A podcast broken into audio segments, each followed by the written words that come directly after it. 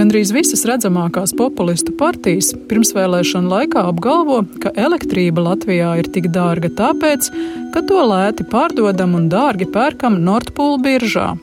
Lai cenas samazinātu, mums no biržas esot tūdaļ jāizstājas. Cik šī retorika ir pamatota?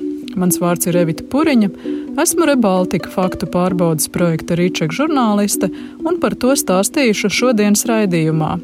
Pievērsīšos arī kādai viltus ziņai, ko Krievija izmantoja, lai kārtējo reizi apvainotu Latviju rusofobijā un fašismā. Vispirms par elektrības cenām.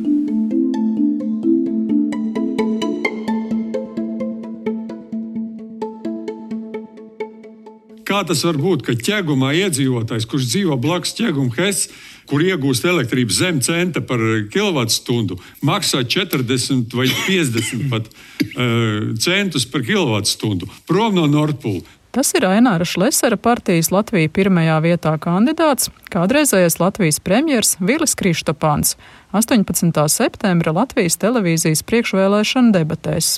Tur viņam piebalsoja ZZS pārstāvis Jānis Dinēvičs. Vispirms cilvēkiem tiek izvilkta nauda no kabatas, un pēc tam kaut kas atmests atpakaļ. Nordpūle birža ir nevis kur lētāk nopirkt, bet kur dārgāk pārdot. Pirms dažām nedēļām arī saimā bija opozīcijas sagatavots priekšlikums no biržas izstāties. Nordpūlu biržu augstajās elektrības cenās vainoja kādreizējie KPVLV pārstāvi Aldis Gobsems un Kaspars Girģens, kuri tagad vēlēšanās startē no divām jaunām partijām. Vai Latvija lēti pārdod un dārgi pērk atpakaļ?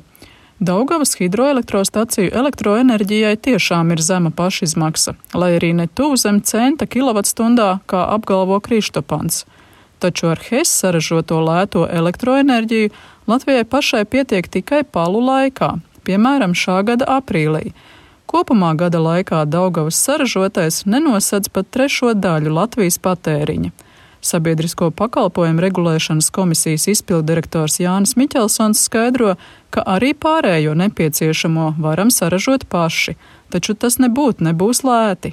Varbūt šogad ir netipiska situācija, jo ir gāze grūtāk pieejama un tirgotāji šobrīd mēģina gāzei veidot krājumus, lai viņiem paliktu vairāk uz ziemu. Bet, piemēram, iepriekšējos gados nav problēma vasarā darbināt lielos tecus, ražot elektrību no gāzes un siltumu vienkārši kūpināt gaisā. Tas saucās tas kondensācijas režīms. Un, principā, vasarā Latvija arī var saražot, tad, kad ir sauss un ūdens nepietiek elektrības apjomu lielos tecos. Bet tas ir jāizmanto gāze, tas ir salīdzinoši dārgi, lētāk ir nopirkt, piemēram, no kādas citas valsts, piemēram, Somijā ir atomstacijas, kur naktī elektrību droši vien saražos pietiekami daudz, un arī var pārdot uz citām valstīm. Latvija elektroenerģiju vairāk importē nekā eksportē.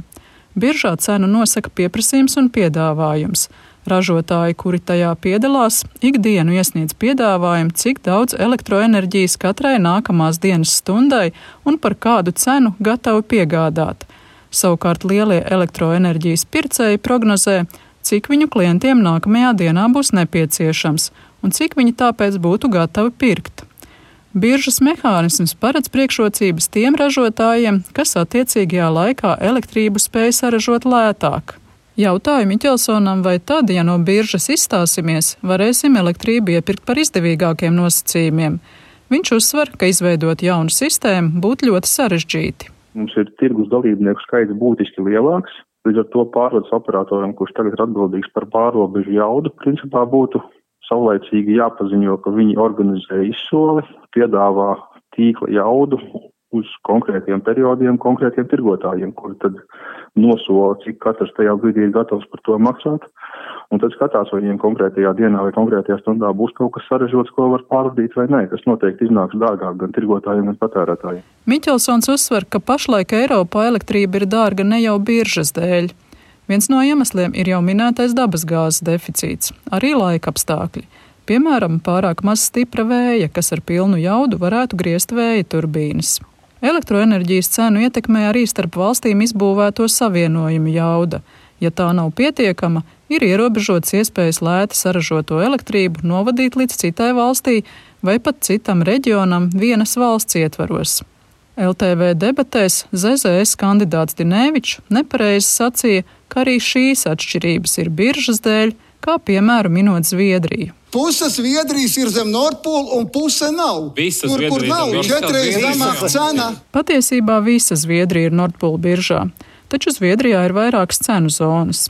Valsts ziemeļos hidroelektrostacijas elektroenerģiju saražo lēti, bet starpsavienojuma jauda nav pietiekama, lai lētā elektrība vienmēr nonāktu arī dienvidos. Šā iemesla dēļ arī Baltijas valstīs elektrība maksā vairāk nekā Ziemeļvalstīs, proti paši saražojam par maz, un mums nav pietiekami liels jaudas savienojumi ar, piemēram, jau minēto Somiju vai Norvēģiju, kur elektrību saražo lētāk un vairāk. Miķelsons no Sabiedrisko pakalpojumu regulēšanas komisijas arī noraida pieņēmumu, ka biržai augstā cena ir izdevīga. Bieži ir tikai starpnieks, kuri iekasē komisijas maksu no visiem tirzniecības dalībniekiem. Bieži nekādu cenas starpību pie sevis nepatur un neko no augstām cenām nenopelna. Attiecīgi tie ir ražotāji, kas piedāvā savu apjomu biržā, un tajās stundās, kad cena ir augsta, tad arī ražotāji, kur tajā stundā ir biržā apjomu nodrošinājuši, saņem šo augsto cenu. Tātad aiziešana no biržas diez vai Latvijai nodrošinās lētāku elektroenerģiju. Tā jāražo vairāk pašiem un jāveicina savienojumi ar citām valstīm. Tik tālu par elektroenerģiju. Turpināšu par kādu viltus ziņu, kas izpelnījās lielu uzmanību Krievijā.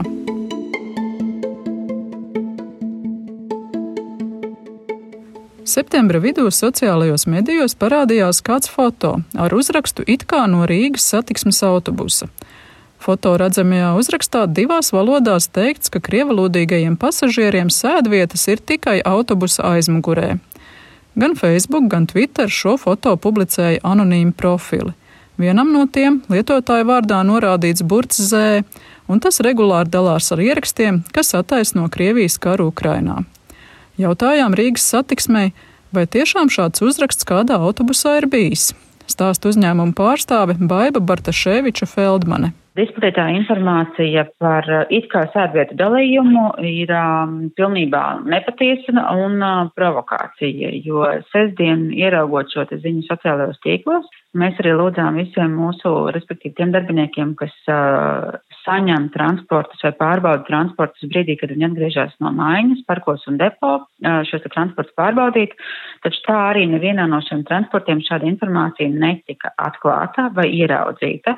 Latvijā ar foto bija dalījušies daži simti cilvēku, tā tad ne īpaši daudz. Taču acīm redzamo viltus ziņu nekavējoties pārķēra un izplatīja Krievijas propagandas kanāli. Lūk, televīzijas RT galvenā redaktore Margarita Simonjana. It kā viltus ziņa, it kā ne, ka krievalodīgajiem autobusos jāsēž aizmugurē, kā kādreiz ASV melnādēnajiem. Televīzijas kanāls RENTV to pasniedz jau kā faktu, proti Rīgas autobusos notiekot Krievu segregācija.